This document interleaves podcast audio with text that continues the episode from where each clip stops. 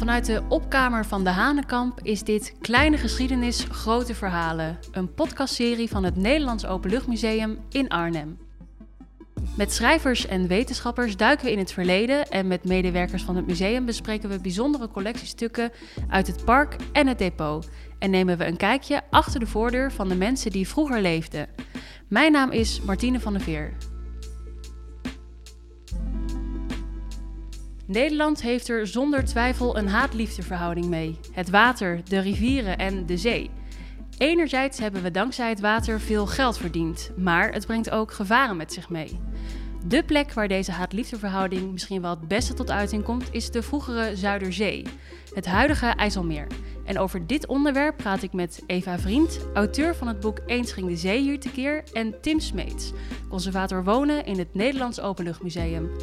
Dit is aflevering 1, Water, vriend of vijand?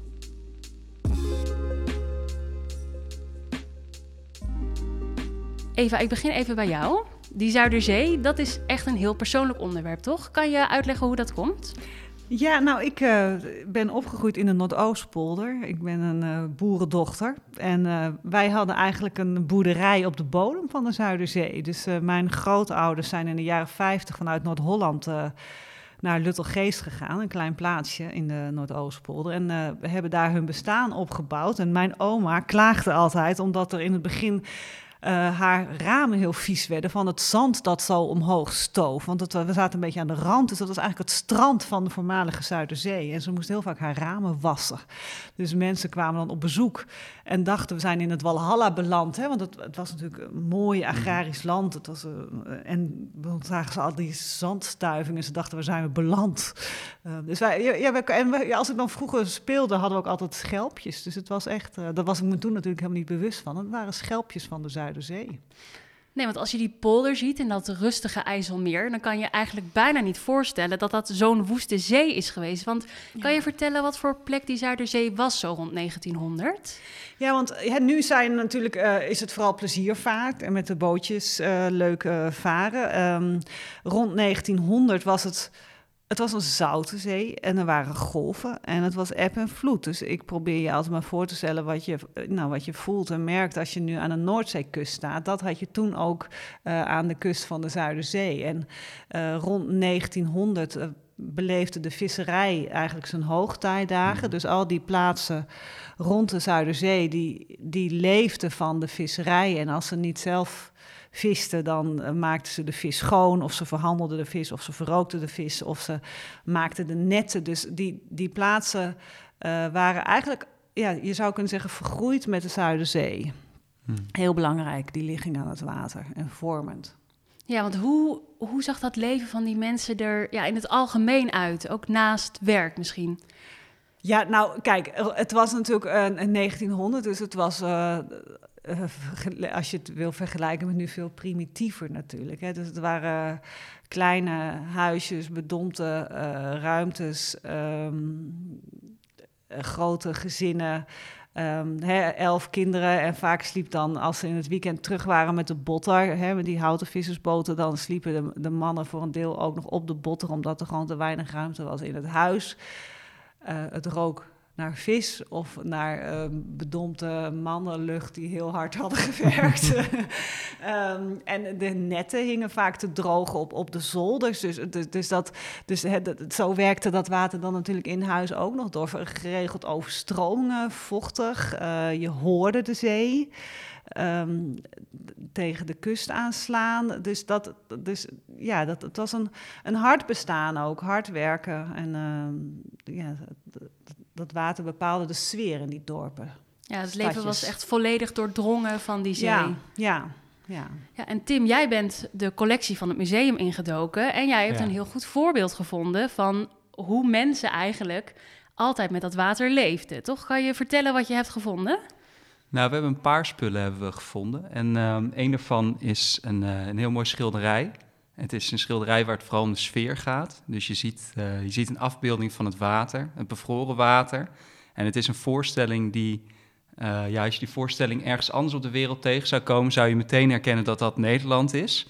En het leuke aan het schilderij is dat mensen aan het schaatsen zijn. Je ziet mensen uh, in de achtergrond die zich verzameld hebben bij een koek- en zopiekraam.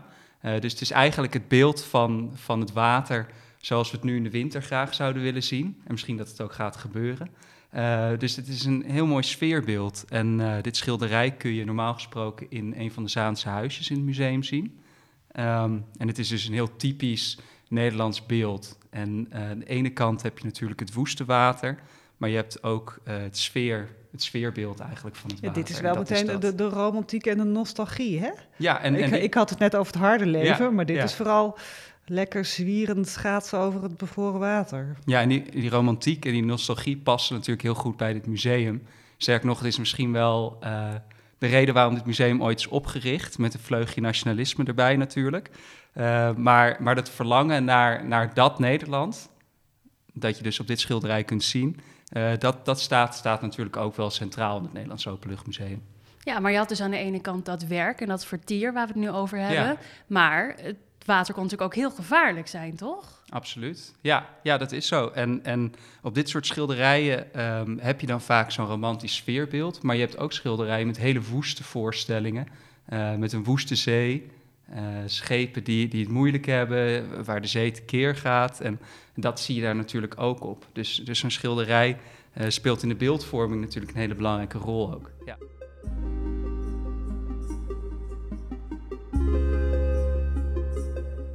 Eva, jij hebt voor je boek een aantal familiegeschiedenissen onderzocht. Mm -hmm. En die tweeledigheid van aan de ene kant werk en vertier, maar ook die gevaren van de zee. Was dat ook iets wat jij telkens in die Ja. verhalen weer ja, terughoorde?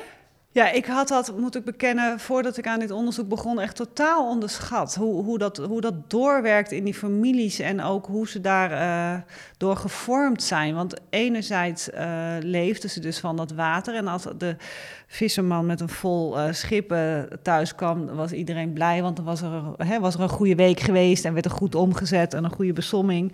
Maar als, als het weer omsloeg of als het weer dreigend werd halverwege de week, dan, dan was zo'n gemeenschap, zo'n plaats gewoon, ja, dat, dat raakte dan langzamerhand doordrongen van een soort angst van wat gaat er gebeuren, komen ze veilig thuis? En werkelijk iedere familie heeft een, heeft een verhaal van iemand die op zee is gebleven.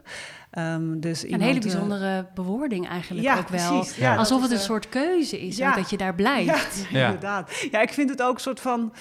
Uh, het klinkt minder heftig dan het is, want als je op zee blijft, dan ben je dus gewoon verdronken. En dat is uh, natuurlijk uh, vreselijk en heel heftig. en, en de Zuiderzee was, um, had een hele, het is eigenlijk een soort kom, hè, die Zuiderzee. Het is echt een binnenzee, had een hele korte golfslag. Dus die golven kwamen relatief hoog en was dus vrij moeilijk te bevaren. Je moest echt een goede visserman zijn. En, en er gebeurden dus geregeld ongelukken. Um, dus in de Zuiderzeetijd kwamen er veel mensen om. En um, ik, ik, beschrijf natuurlijk ook in mijn boek de ontwikkeling die ze doormaakten nadat de Zuiderzee was afgesloten. En toen ging een deel van die vissers op de Noordzee varen. En die is, mm. uh, die is eigenlijk nog gevaarlijker. Um, dus ja, nee, dat. dat en, en het feit dat dus iemand op zee blijft en niet terugkomt, dat bepaalt natuurlijk ook de manier waarop uh, je afscheid neemt en hoe, hoe, hoe de rouw is van zo'n familie. En daardoor ja, is de rouw nog heftiger of, of, ingewikkelder, omdat je niet echt op een op goede manier, voor zover je goed af, afscheid kan nemen, is het dan nog ingewikkelder. Uh, dus dat vormt die visserfamilies uh, enorm. Ja, want het lijkt me heel heftig om telkens met zo'n heel nabij gevaar mee Ja. te leven. Hoe gingen zij daarmee om? Ja, nou je hebt uh, natuurlijk in, in, veel van die plaatsen een monument, hè, om, om, om toch een soort van uh, graf, uh, omdat je niet een graf hebt waar je naartoe kan, maar dan is er, is er een soort monument. En hè, op Urk staat natuurlijk een heel bekend monument van zo'n vrouw die uitkijkt over zee. En, en dat is natuurlijk het ingewikkelde. Je woont aan het water waar jouw dierbare is, is gebleven. Um, dus daardoor is het ook ja, werkt het zo lang door en is het ook zo vormend. Eigenlijk tot op de dag van vandaag natuurlijk. eh. Ja, en jij zei al van um, die term van op zee gebleven, dat klinkt eigenlijk minder heftig dan, dan Ja. dat het is. Is dat ook een manier hoe zij daarmee omgaan? Misschien een zekere nuchterheid? Of... Oeh, nou nuchter... Nee, ik denk dat nuchter niet het goede woord is, want het, het is... Het, het is juist, ja, het is een manier van zeggen. Misschien ook wel uit respect hè, voor, voor het water en, en de zee. Want tegelijkertijd zijn ze, is dat vissers ambacht is een soort verslaving. Want je gooit dus dat net in het water, maar je weet niet wat er boven komt. Het is eigenlijk het is, het is geen gokken, maar zo voelt het soms wel. En daardoor heeft het zo'n sterke verslavende werking. Dus ze zijn verknocht aan het water, maar het is dus ook degene die hun, hun dierbaar heeft, heeft opgeslokt. Dus dat maakt die, uh, ja, het is een soort... Uh, ja, je bent verliefd op iemand waar je eigenlijk niet verliefd op moet zijn. Dat gevoel had ik wel eens als ik met die families uh, sprak. Ja. Dat, geheime minnaar of zo. Ja, ja. Maar dat is een hele rare beeldspraak. ja, want wat je in je boek ook aanstept, is natuurlijk die, die rol van het geloof. Ja. Kan je daar iets over vertellen, hoe dat met dat gevaar gelinkt is? Ja, nou, dat, dat is... Um, om het even kort samen te vatten, het is iets om moeilijk te begrijpen. Dus je bent overgeleverd aan, aan, aan dat lot dat, hè, van, van dat water. En um, omdat het zo moeilijk te begrijpen is en je ja, je moet je maar voorstellen dat je als zo'n visserman nachtenlang alleen over dat water uh, voor je uit zit te staren. En dan, dat is natuurlijk op een bepaalde manier confronterend. Dat roept vanzelf existentiële vragen op. Dus de vragen worden beantwoord met een ja, met, een, met, een, met een geloof in een God. En, en dat is natuurlijk hoe de mensen vandaag de dag hun geloof helemaal niet meer beleven. En dus is deze verklaring is absoluut niet uh, beledigend of, of respectloos uh, bedoeld. Maar dat is natuurlijk wel een, een verklaring voor het feit dat dat geloof zo'n grote rol gaat spelen. Omdat dat helpt om, om, om de hmm. vragen in het leven uh, te beantwoorden. Die vrij groot zijn en manifest door de manier waarop ze leven.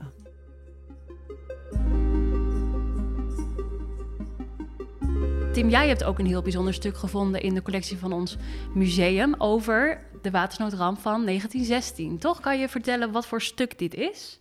Ja, dit is eigenlijk een, uh, een pamflet uh, waarop je een, uh, een, militair ziet, een Nederlandse militair. Zie je, zie je het water komt tot zijn middel en op, zijn, op zijn rechterschouder draagt hij, draagt hij een kindje, een meisje.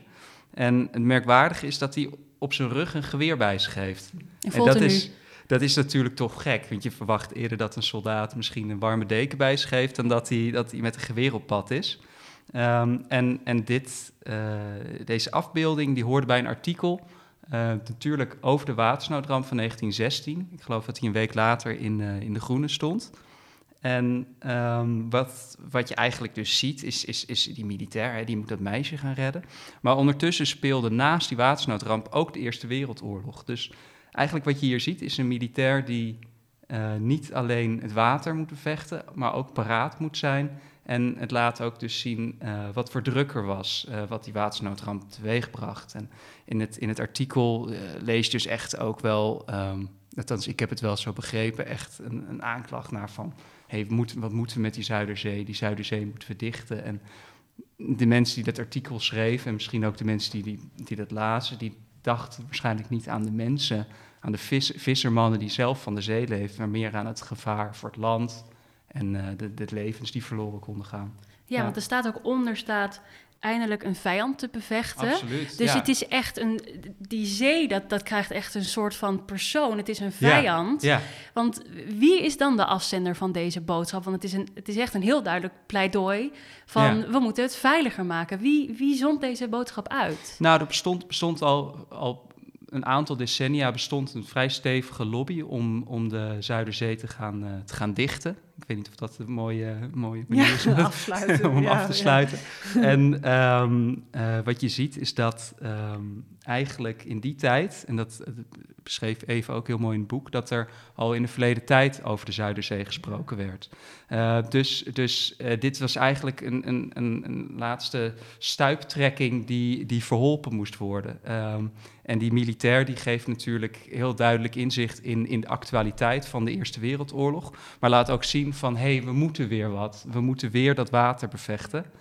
Um, en dat vertelt dit pamflet. Uh, het was natuurlijk ook zo dat het een argument werd in, het, in de discussie over de afsluiting. Moeten we wel of niet afsluiten? Hmm. Nederland was neutraal in de Eerste Wereldoorlog en het werd ook een soort van statussymbool. We kunnen ons niet onderscheiden omdat we meedoen aan die Eerste Wereldoorlog. Dus we, hè, we leveren geen strijd op het land, maar wij kunnen wel het land op het water winnen. Dus dat, dat, dat hele Zuiderzee-project werd ook een soort van nationaal. Ja, daar, ja, daar kunnen wij ons dan mee manifesteren. Wij hmm. hebben geen oorlog nodig. Wij winnen de strijd op het water. Dus deze, ik vind hè, dat eindelijk een vijand te bevechten is ook echt de vijand van het water. Dan hebben wij ons eigen vijand. Ja. Het werd ook een soort prestigeobject, zo die afsluiting en die aanleg van de polder. Natuurlijk, dat droog liggen daarvan. Maar dat lijkt me heel heftig als je daar dan als vissersfamilie aan een zee woont, waar in de verleden tijd over gepraat wordt. Hoe, hoe zagen zij uh, nou ja, die strijd tegen het water en die afsluiting van die Zuiderzee? Ja, dat was heel ingewikkeld. Want de, de, hè, waar dit eh, pamflet over gaat, over die overstroming van 1916,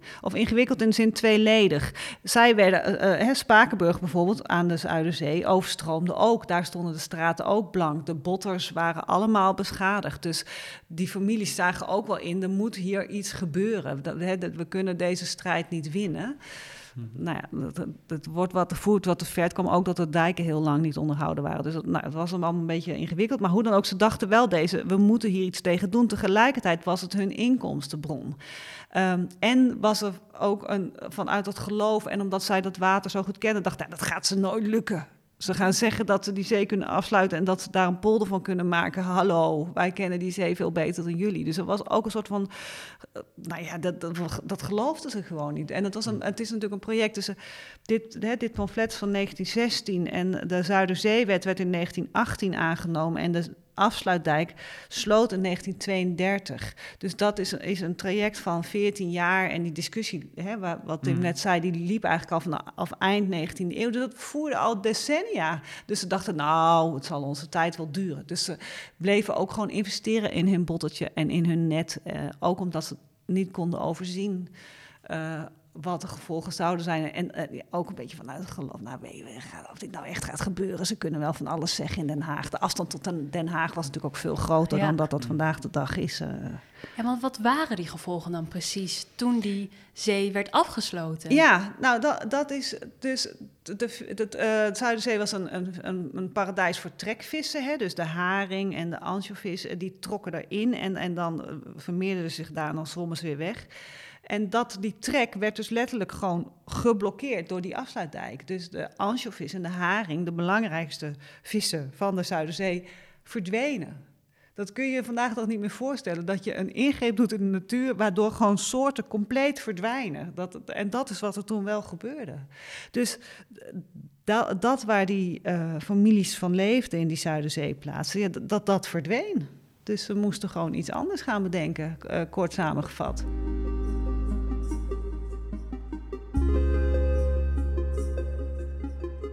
Wat moet je nou doen als visser als je niet meer kan vissen? Hoe, hoe konden zij hun inkomsten compenseren? Ja, nou, de, de, de, Nederland, uh, Nederlandse overheid heeft wel uh, in 1925 de Zuiderzee Steunwet aangenomen. En die voorzag een beetje in omscholing, ook voor de zonen, en dat ze iets anders konden gaan doen.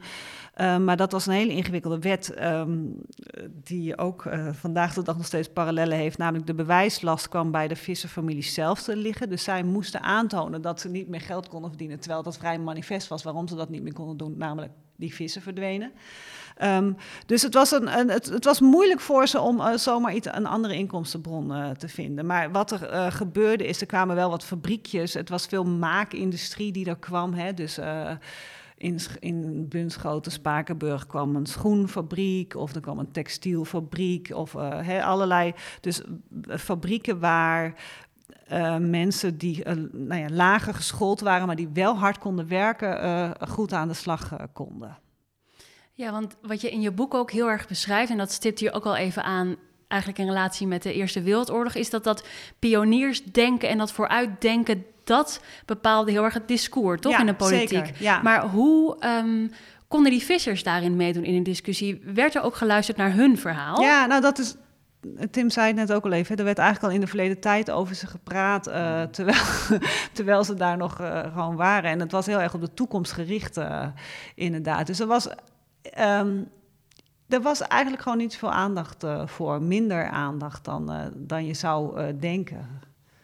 En, en dat is, dat is, dat zet tot op de dag van vandaag kwaad bloed in die gemeenschappen. En ja. tot op de dag van vandaag is er, een, is er een weerbarstige houding ten aanzien van de overheid, de centrale overheid, de Europese overheid. En dat, dat vindt voor een deel zijn oorsprong in de manier waarop het toen met die gemeenschap is omgegaan. We sluiten het af, we ontnemen jullie je levenszee, uh, maar we bieden geen royale compensatie. Ja, en Tim, jij hebt ook.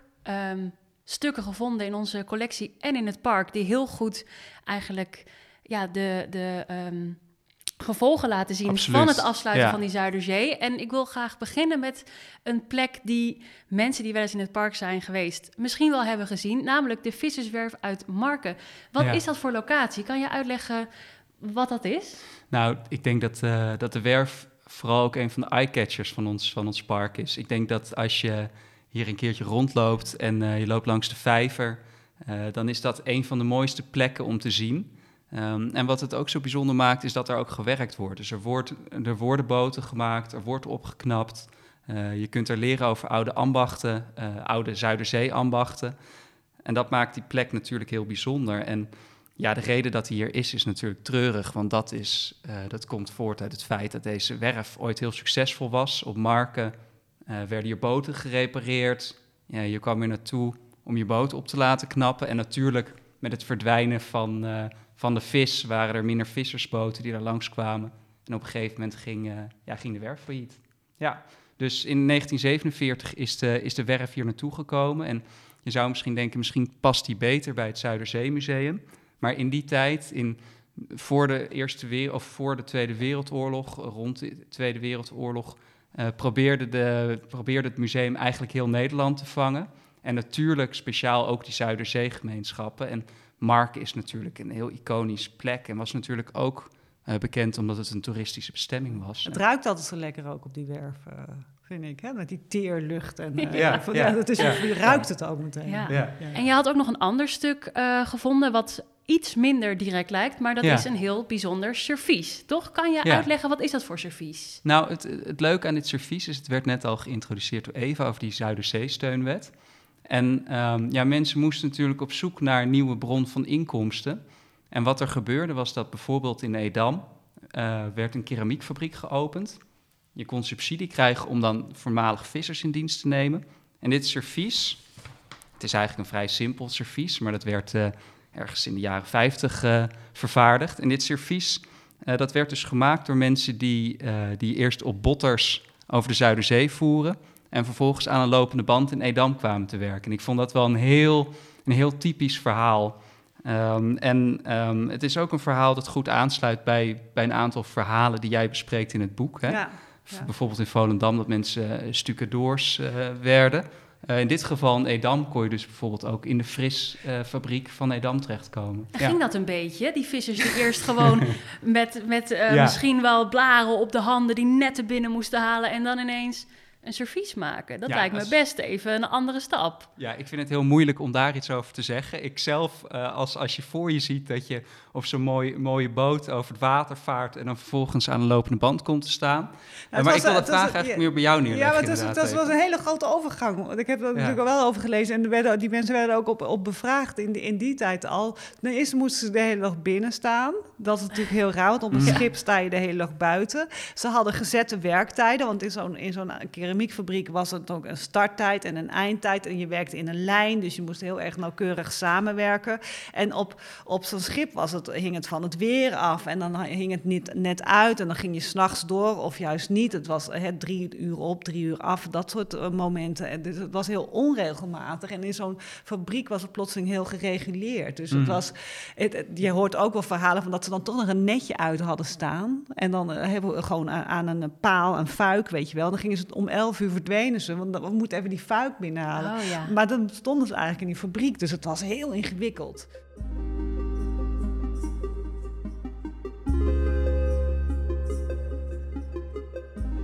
Ik vind het echt heel mooi fris Edam, moet ik zeggen. Jij noemt het nu een beetje eenvoudig. Ik vind het echt heel mooi keramiek. En ik vind het ook tof, omdat het zo in dat, de jaren 50 van het goed wonen past. Hè? Oh, dus nee, het- absoluut, Ja, ja, dus het nee, zit daar helemaal eh, in. Dus het is, het is de Zuiderzee, maar het is ook de wederopbouw en het goed wonen. Ja. En hoe, nou ja, hoe Nederlanders eh, gezond en hygiënisch moeten leven. En dus het, daar zit heel veel in, in dat eh servies. Ja. Alhoewel denk ik heel weinig mensen weten dat het vanuit die Zuiderzee steunwet Mhm. is gekomen. Want daar associeer je het helemaal niet mee. Want het, het is...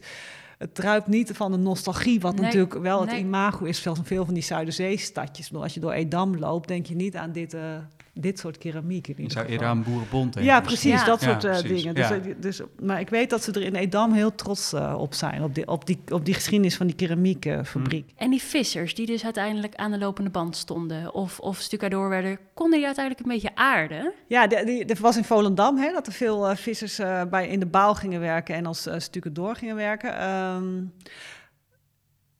of ze aan de wal konden aarden. Ze konden zeker aan de wal aarden, maar eh, er is nog steeds een, een, een er bleef heel lang en, en dat is uh, voor, tot op de dag uh, van vandaag nog steeds zo nog, nog steeds die trek naar het water en ze voelen zich daar nog steeds verbonden mee. En bijvoorbeeld de stucadoors vanuit Volendam uh, die met hun busjes de hele randstad uh, wit stukken. Um, daar zit ook een soort overeenkomst in, namelijk ze hebben hun eigen busje, ze trekken erop uit. Dat hadden die vissers ook, hè, die hadden hun eigen schip. Een stucadoor kan voor een deel veel meer dan in zo'n keramiekfabriek zijn eigen werktijden bepalen. Dus er zit nog een soort steeds van wel, vrijheid. Ja, die vrijheidsdrang is en, en, en de trots uh, en, en dat, dat zit er nog steeds heel sterk in. Dus, dus de, de, zo, zoals die gemeenschappen toen door die band en die ligging aan het water gevormd zijn, dat, dat is voor een deel, uh, of dat bepaalt de identiteit en de manier waarop ze met elkaar omgaan nog steeds heel sterk. Uh, en dat heeft gewoon te maken met, met, met die vergroeiing met dat water en ja, ja. Die, het ritme van de dag bepaalde en, en ja, ook de omgangsvormen. Ja. ja, en voordat we eigenlijk alweer gaan reflecteren op het nu, wil ik eerst nog even iets aanstippen wat ik zelf heel opvallend vond in jouw boek. Want we zitten nu in het Openluchtmuseum, maar jij stipt ons museum ook echt even specifiek aan met een ja, heel bijzonder verhaal in, in een soort van zoektocht naar de oer-Nederlander. Kan je vertellen hoe dus die mensen die aan de Zuiderzee leefden, hoe dat te maken heeft met de oprichting van dit museum? Heel kort. kort zeker. Ja. ja. uh, nou ja, het idee was eigenlijk dat aan die kuststreken tamelijk geïsoleerd leefden en dat daar dus een soort oer-Nederlander, een oerras uh, over was gebleven. Dus toen er in de 19e eeuw een, een zoektocht ontstond naar een nationale identiteit, hè, dat, dat speelde toen overal. En ook Nederland uh, moest toen als Nederland als natie vorm krijgen. En toen bestond, of, of, toen ontstond eigenlijk voor het eerst die drang naar die, naar die kustplaatsen, omdat dat daar nog een, een authentieke menssoort, zo je wil, uh, zou leven. In klededracht, eenvoudig, hardwerkend, noesterkoppen. Men veronderstelde eigenlijk dat ze, dat ze geïsoleerd waren. Ja. En door dat, door hun isolement, zouden ze puur zijn. Ja. Dat is eigenlijk een hele, een hele simpele uh, gedachte. Um, maar hij klopt natuurlijk ook niet helemaal. En nee. uh, het gekke eraan is ook dat uh, toen, toen dit park werd ingericht, het, het gebeurde al in de jaren tien, uh, toen dit park werd ingericht, dacht men ook in, in Bataven, in Saksen, in, in Friezen, dus eigenlijk in, in prehistorische Nederlanders. Ja. En daar ging men naar op zoek. Dus waar vind je die? Waar vind je nou die echte oorspronkelijke, het echt oorspronkelijke oerras? ras, ja. De ja. Bataafse ras. En, en men dacht die te vinden aan de Zuiderzeekust. En daar ging men dus naar op zoek. En er ja, zijn en echt helemaal hele... op, de, op de eilanden. Hè? Dus Ja, Urk, ja. Marken, uh, Schokland. Nou ja, Ja. Schokland Absoluut, was al, uh, ja. Dus het, hè, de schedel, inclusief schedelonderzoek en schedelmetingen. En uh, te, om te kijken of ze daar nog kenmerken van de Bataafse ras konden uitpluizen. Ja, Ja. ongelooflijk verhaal. Ja. Maar wat ik dan wel eh, opvallend vind, is zeg maar dat Mhm. Die isolatie, dat is toch ook iets waar, als ik naar mezelf kijk, ik ken die streek niet zo goed. En je kijkt nu naar de gemeenschappen die jij bespreekt in je boek, dus eh, Urk, Schokland. Als je daar niet vandaan komt, dan eh, zie je die gemeenschappen misschien nog steeds wel als een hele geïsoleerde en gesloten gemeenschap. Ja. Klopt dat beeld? Nou, weet je wat, wat natuurlijk wel zo is, is dat, dat de mensen die daar eh, opgroeien, daar ook heel vaak blijven wonen. Dus het zijn allemaal hele, de gemeenschappen die ik in mijn boek beschrijf, dat geldt voor uh, ook, maar ook bijvoorbeeld Elburg en Harderwijk, dat zijn relatief jonge gemeenschappen. Normaal gesproken is het zo dat mensen dan na de middelbare school wegtrekken of, of ergens anders gaan werken of, of zich minder verbonden voelen met de plaats plaats waar ze vandaan komen. Dat is een iets algemener beeld. Maar daar dus de gemiddelde leeftijd is laag? Uh, ja, het zijn hele... Dus, dus, dus die jongeren blijven en ze willen daar ook allemaal een huis kopen. Dus de huizenprijzen zijn er ook allemaal relatief hoog. Vergeleken met andere plattelandsgebieden in Nederland... waar vaak een brain drain is, is het juist aan de voormalige Zuiderzeekust. Uh, hele jonge gemeenschap. En daar blijven de jongeren en ze trouwen jong... en ze willen graag een huis en, en zich settelen. Uh, dus dat, in die zin zijn het nog steeds wel uh, nou, niet geïsoleerde gemeenschappen. Want nee. uh, bedoel, er is ook gewoon wifi en internet en, en ze doen allemaal opleidingen overal en nergens. Maar het is wel een gemeenschap die heel hecht is. Ik ben zelf een beetje voorzichtig met de term gesloten, omdat ik dat zelf gewoon helemaal niet zo ervaren heb. Dat bedoel, gesloten zou betekenen dat je niet welkom zou zijn... of dat ze je mm. met een nek aankijken. En dat is echt allerminst uh, het geval. Het is vooral hecht. Uh, ze, ze hangen aan elkaar, om het even zo te zeggen. Ja. Dus, uh, maar dat in die zin ja, is dat wat, er, hè, wat we net beschreven, wat er in de 19e eeuw gebeurde, dat ze daar vaak blijven en dat ze ook vaak met elkaar trouwen. Bedoel, mm. dat, dat is nog wel tot op de dag van vandaag ja. aan de hand eigenlijk. En is die hechtheid, komt dat ook voort uit de manier hoe er eigenlijk met deze gemeenschappen is omgesprongen bij dat afsluiten van die Zuiderzee, dat er niet naar hun geluisterd is. Want ik kan me voorstellen dat je dan ook meer in je eigen gemeenschap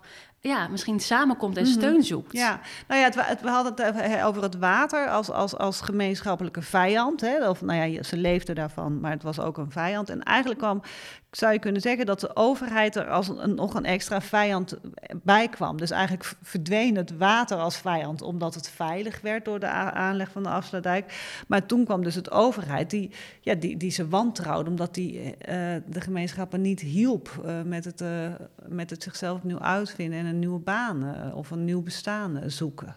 En nou ja, de visserijwetgeving, en, dat, ja, dat, dat loopt tot op de dag van vandaag. En bij, bij Urk is bijvoorbeeld een heel groot windmolenpark gekomen aan de, aan de rand van het water, zo die dijken. Dus dat, dat wordt echt gezien als een soort van uh, gordijn, als een afsluiting. Dat, dat, dat, dat ontneemt hen ook, hè, als je het hebt over het water, dat ontneemt hen ook echt dat vrije zicht op het water. Dus Nog een afsluiting. Ja, precies. Dus dat, is, dat, dat blijft gewoon maar uh, spelen. En daar blijven ze ook maar mee worstelen. En daar blijven ze ook voor strijden. Want die windmolens moesten er komen, omdat Nederland een van de duurzaamheidstaken die vanuit Europa was opgelegd uh, moest halen. En waar zetten we ze neer?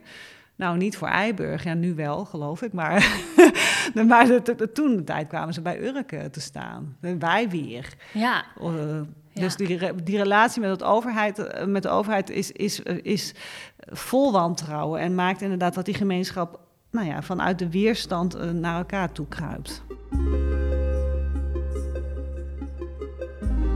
Welke rol speelt de Zuiderzee nu nog op die plekken? Ja, als, als een het staat aan de basis van de identiteit. Het is echt een, de, de, Zuiderzee verdween, maar is er eigenlijk nog steeds omdat het ze heeft geholpen om, om, om hun identiteit uh, vorm te geven. Dus in, in die zin is de, is, is de Zuiderzee en, en, die band met dat water uh, nog echt heel erg manifest.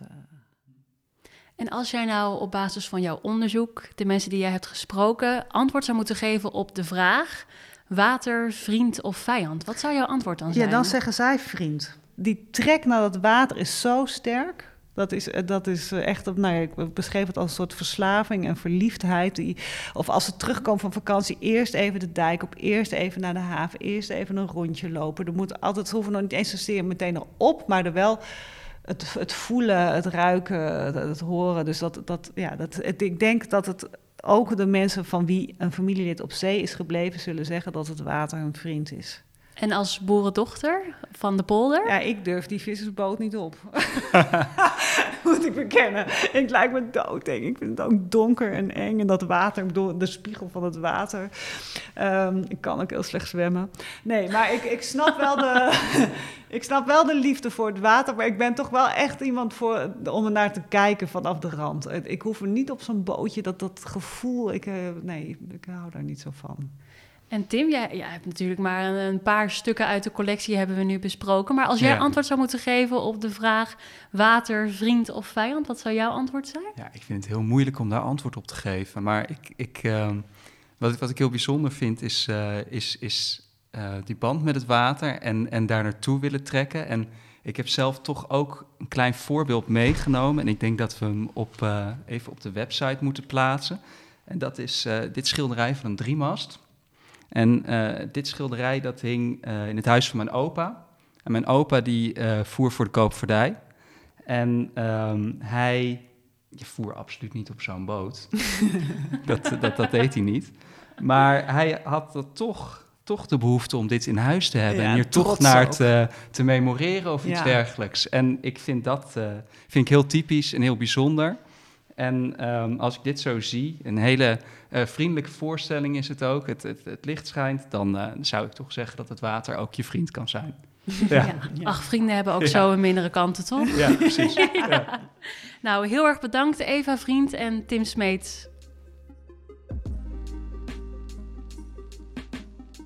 Je luisterde naar Kleine Geschiedenis, Grote Verhalen, een podcast van het Nederlandse Openluchtmuseum in Arnhem. In ons museum sta je oog in oog met de Nederlandse geschiedenis en ontdek je de verhalen uit deze serie. Vind je dit een leuke podcast? Abonneer je dan, want er komen nog meer afleveringen. En laat een recensie achter, dan kunnen anderen ons ook sneller vinden. In de volgende aflevering hebben we het over wonen. Van krappe krotten en vieze stegen tot peperdure grachtenpanden. We nemen een kijkje in armoedige wijken zoals de Jordaan van omstreeks 1900 en onderzoeken hoe de woningwet van 1901 hier een einde aan moest maken.